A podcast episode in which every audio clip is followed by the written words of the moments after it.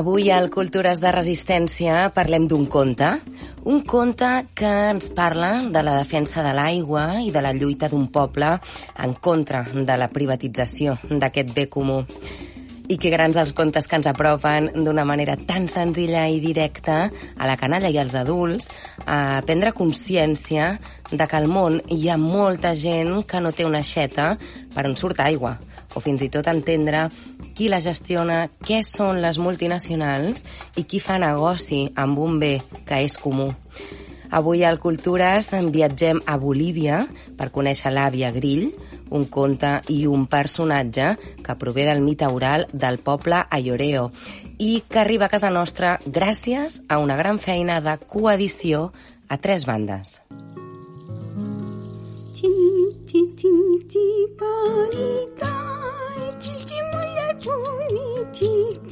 El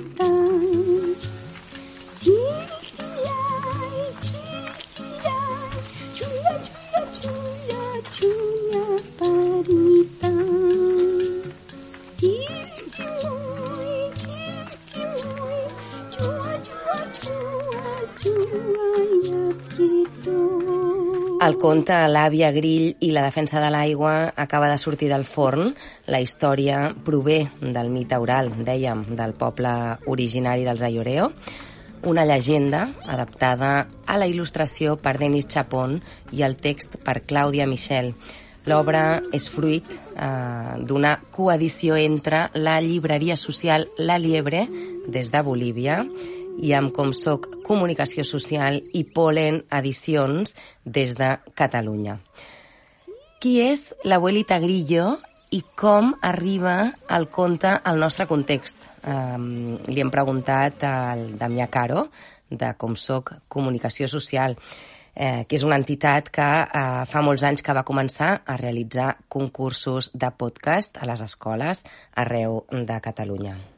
El, el conte de l'abuela Grillo pròpiament doncs, sorgeix de la tradició oral i en concret del poble Lloreo, d'un poble indígena situat a, a Bolívia.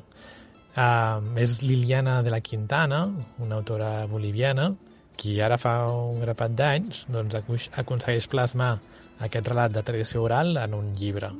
I, i per tant, és ella una de les persones que en aquest país, en dir, doncs, eh, fa un treball exhaustiu com perquè no es perdin aquests relats que, que connecten directament amb, amb les nostres arrels no? eh, culturals. Eh, a partir d'aquesta d'aquest treball, no? d'aquesta abuela grillo, que el que fa en concret és avisar-nos de les pluges, no? i en, en Denis, amb, els seus, amb, amb una sèrie de persones d'origen bolivià també, que, amb qui fan una formació i assisteixen doncs, a, a la, al naixement de l'Abuela Grillo, el que fan ells com a creadors d'aquesta animació és eh, a partir del mite eh, i de la llegenda dels Alloreo l'adapten als nostres temps. Aquests temps parlen d'un conflicte a l'aigua, que, que, que és un conflicte que està vigent a, a tot el món, no? però que, que en concret per això d'aquesta de guerra de l'aigua que sorgeix a inicis dels anys 2000, on s'intenta privatitzar i on es privatitza l'aigua de tal manera que suposa un increment d'un 300% respecte a preu anterior, no? I, i, i, i l'aigua passa a ser no un, un dret comú, no un bé comú, sinó alguna cosa, un producte amb el qual fer negoci. No? I a partir d'aquí es realitzen, eh, succeeixen mobilitzacions molt importants a Bolívia que acaben doncs, enderrocant el, el règim existent. No? O sigui que l'aigua eh, es converteix en una grada, gran onada social que acaba eh, això enderrocant un règim i, i pujant en aquell moment una esperança significada amb, amb la persona de l'Evo Morales i el, i el seu equip. Li hem preguntat també a Caro com se li acut la idea del llibre i quin és el recorregut que fa fins la seva publicació? Un dia del, de l'any 2018, doncs, volia preparar uh, un taller que teníem de ràdio, contes i drets humans, en concret sobre el dret, el dret a l'accés a l'aigua, i estava una mica inquiet, perquè el conte que teníem que venia d'un concurs de podcast de contes del món que vam dinamitzar durant 7 anys, doncs era un conte que parlava sobre aquest dret a l'accés a l'aigua, però bé, pensa que era com per criatures una mica més peques dels que teníem no? en el següent taller. Aleshores va ser com, bueno, no sé, doncs potser busco algun material que tingui a veure amb aquesta qüestió i se'm va ocórrer doncs, eh, buscar sobre la guerra de l'aigua. La guerra de l'aigua que va succeir a inicis de l'any 2000 a Bolívia. I aleshores pensa que potser hi hauria alguna producció sonora, audiovisual, en què pogués doncs, eh, tractar aquest tema. Doncs el Damià Caro va topar amb una animació de l'abuela Grillo, eh, que la podeu trobar també linkada a través d'un codi QR al final del llibre. Un vídeo d'animació que eh, commemora les lluites eh, dels pobles pels béns comuns. Eh, un vídeo fet per Denis Chapón, dèiem a l'inici eh, d'aquest espai, que ha tingut més de milió i mig de visualitzacions. Em va agradar ràpidament com estava il·lustrada aquesta animació. La vaig veure tota i em vaig emocionar. I aleshores va ser com, uah, crec que ho he trobat, no? Vaig buscar una mica doncs, d'on sortia, qui ho havia fet, no? I, i em va agradar ràpidament. Vaig buscar també si hi havia algun llibre al respecte i vaig veure que no. I, i en aquell moment doncs ja se'm va obrir aquesta bombeta, no? aquesta idea de dir, ostres, doncs mira, potser podria ser un material que a la llarga podríem fer. I sí, i aleshores doncs, vam portar aquesta animació a, a una escola i la vam poder treballar i, i els hi va agradar molt als infants i joves. Nosaltres els vam aturar en un punt de clímax i van ser ells els que van proposar solucions i, i realment l'abuela Grillo arriba, ho podeu comprovar, us convido a fer-ho. I ho hem fet i ens ha arribat perquè és una molt bona manera d'acostar la història de la Guerra de l'Aigua a Bolívia a tots els públics que, com comenta Damià Caro, eh, va tenir lloc entre els anys 2000 i 2003 i les persones es van mobilitzar per salvar l'aigua perquè les grans empreses no la privatitzessin. Després del primer taller en van venir d'altres i l'abuela Grillo doncs, va seguir convocant la pluja per diferents escoles i territoris de, de Catalunya fins al punt en què vam aturar-nos i vam centrar l'energia en, en fer possible l'Abuela Grillo com a publicació en llibre. No? Uh, aleshores vam, vam parlar amb el Denis, el, el director de l'animació, i ell estava supercontent de que haguéssim pensat en això. I després doncs, vam parlar amb Polin Edicions, perquè nosaltres no som especialistes en, en fer llibres, de fet de, de llibres en fem poquets i, i bé, i ells sí que, que són especialistes en això i d'aquesta manera doncs eh, vam acordar coeditar-ho.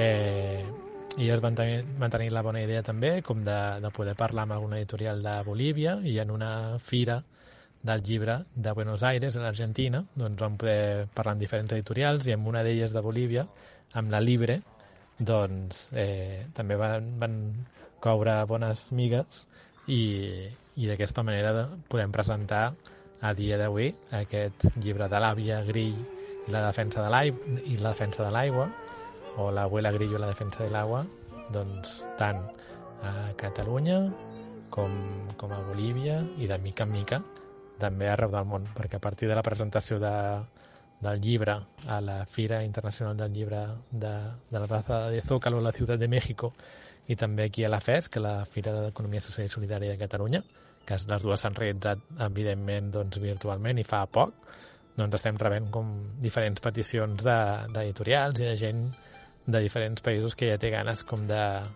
de poder gaudir d'aquest llibre, de l'abuelita Grillo.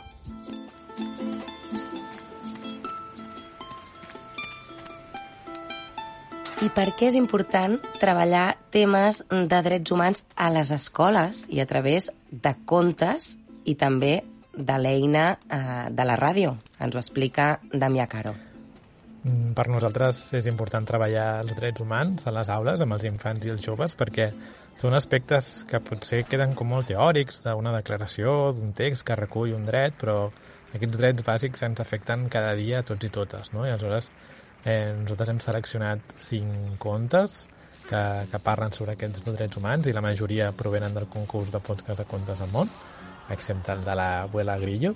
I, i amb el de l'abuela Grillo, doncs, evidentment, podem treballar el dret a l'accés a l'aigua, no? i hi ha un altre que és el de quan perdem la por, no? que parla de, del dret a l'habitatge digne, després en tenim un altre que parla sobre el dret a un medi ambient adequat, eh, que en concret parla dels telèfons mòbils i, i, i d'aquesta tecnologia i de les guerres que, que estan derivades vinculades al, a un mineral, al coltant, no? del dret a una alimentació dient i que parlem de temes de sobirania alimentària, d'alimentació saludable, ecològica, de proximitat, de quilòmetre zero, no? en contraposició a aquells aliments quilomètrics no? o als transgènics, i, i així doncs també parlem del dret a l'asil, no? del dret a viure en pau, pensant en les persones refugiades, no? que cada dia doncs, intenten creuar la mar Mediterrània.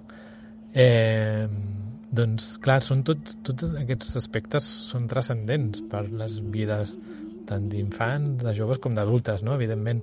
I creiem que és important doncs, portar aquestes qüestions a l'aula perquè els joves tenen, tenen coses a dir sobre això no? I, i, i a vegades doncs, hem trobat en tallers en què doncs que això, no? que hi ha persones que també es veuen afectades i veuen vulnerats aquests drets i també els hi permeten doncs, compartir les seves experiències o les dels seus familiars o coneguts. No? I, I realment els infants moltes vegades ens sorprenen perquè veuen les coses molt més clares i molt més senzilles que no pas els adults. No? Aleshores, aquí els adults també cre creiem que, que és guai que ens posem les orelles ben atentes no? I, i simplifiquem els nostres pensaments racionals no? i la nostra mirada adultcentrista i aleshores els hi fem una mica més de cas.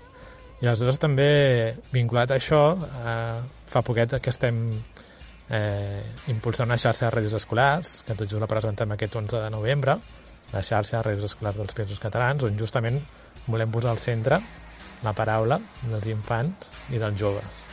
No? I ho fem de la mà de, de desenes d'emissores escolars i, i ràdios locals que ja s'han animat a participar-hi.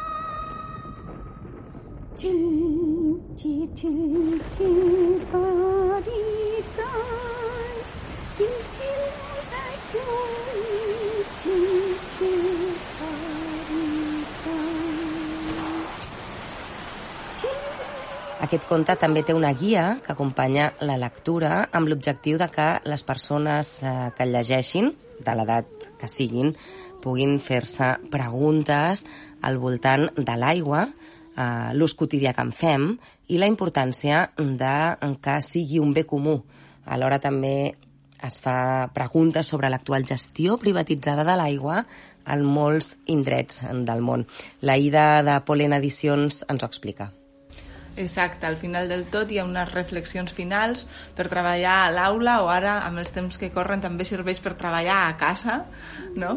i per donar idees per com, aprofundir més en la història que ens explica el conte i reflexionar sobre la quotidianitat eh, l'aigua en la nostra quotidianitat no? què, què passaria si no tenim aigua com pot ser que sent algo tan necessari costi tan cara i també una mica què passa amb les eh, empreses que volen agafar aquest bé que és de totes per treure'n profit. No? I aleshores, a partir d'unes preguntes, ens ajuda com a aquestes reflexions finals a poder aprofundir conjuntament amb les criatures en tot aquest tema que crec que només és per criatures, perquè ara si ens pregunten quins són els béns comuns que tenim no és tan fàcil de respondre. Aleshores és unes reflexions jo crec que per compartir conjuntament adults i criatures.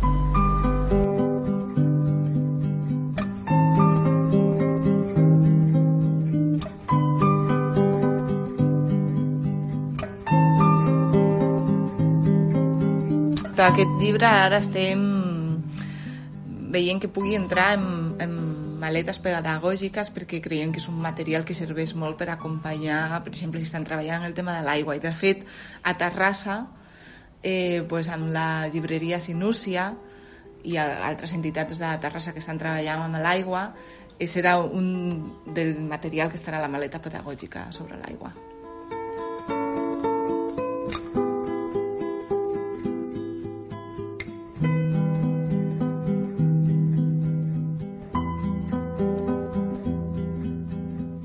Es tracta d'una coedició transoceànica entre Bolívia eh, i Catalunya i, a més a més, és una obra multilingüe. Veureu que el text del llibre eh, està en català, en castellà, en guaraní i en quichua. Elias Caurell és guaraní, sociòleg i antropòleg i treballa en l'àrea d'educació, llengua i cultura de la nació guaraní. Eh, treballa també per la revitalització lingüística i cultural i ell és un dels traductors del llibre. Hem fet una trucada transoceànica i li hem demanat que ens expliqui per què és tan important traduir a les llengües originàries també aquests contes que justament provenen d'aquestes cultures tan antigues. Porque, bueno, estamos en un mundo donde Muchas de las relaciones sociales se dan en estos espacios, la comunicación se ha vuelto a veces impersonal, pero fundamental para el desarrollo de, la comunicación, ¿verdad? En el caso de, los idiomas originarios, pues si no están insertos en estos mundos que de pronto se han vuelto una cotidianidad ya también de las sociedades, eh, los medios de comunicación, eh, entonces pues tienen que estar allí y si no están es como que están condenados a la extinción. Entonces, eh, muchos de los que trabajamos, que somos activistas en, los idiomas originarios que somos parte de las naciones indígenas, eh, estamos también apostando en estos espacios para que también se promocione, se difunda, se desarrolle y se valore eh, los idiomas originarios, porque no solamente es transmitir eh, el idioma como tal, ¿no? Como comunicación, sino transmitir conocimiento, sabiduría, principios, valores, cosmovisión. Entonces, toda una forma de ver el mundo. Y creo que el mundo, si es que tienen estas nuevas puertas, también desde luego tendrán más posibilidades de entendernos y ser un mundo cada vez más intercultural. Eh, eso creo yo con relación a, a los idiomas que estén en estos espacios.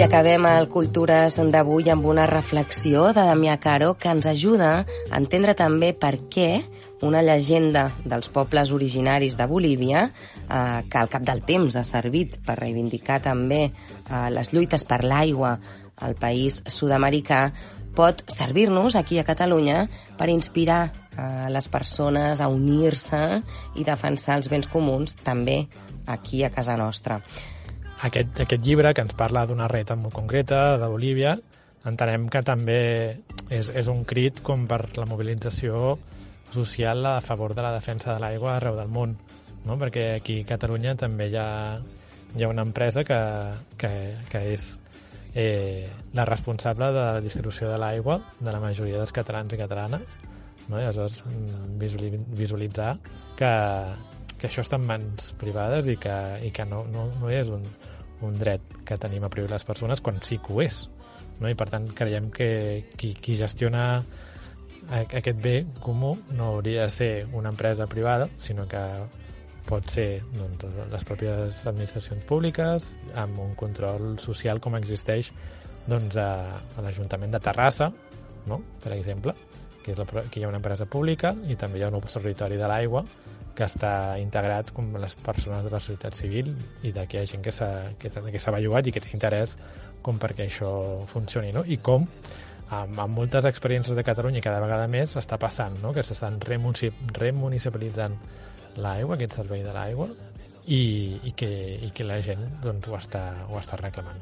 Doncs ja ho sabeu, a l'abuela Grillo, l'àvia Grill, Polen Edicions, com soc Comunicació Social i La Liebre Libreria Social.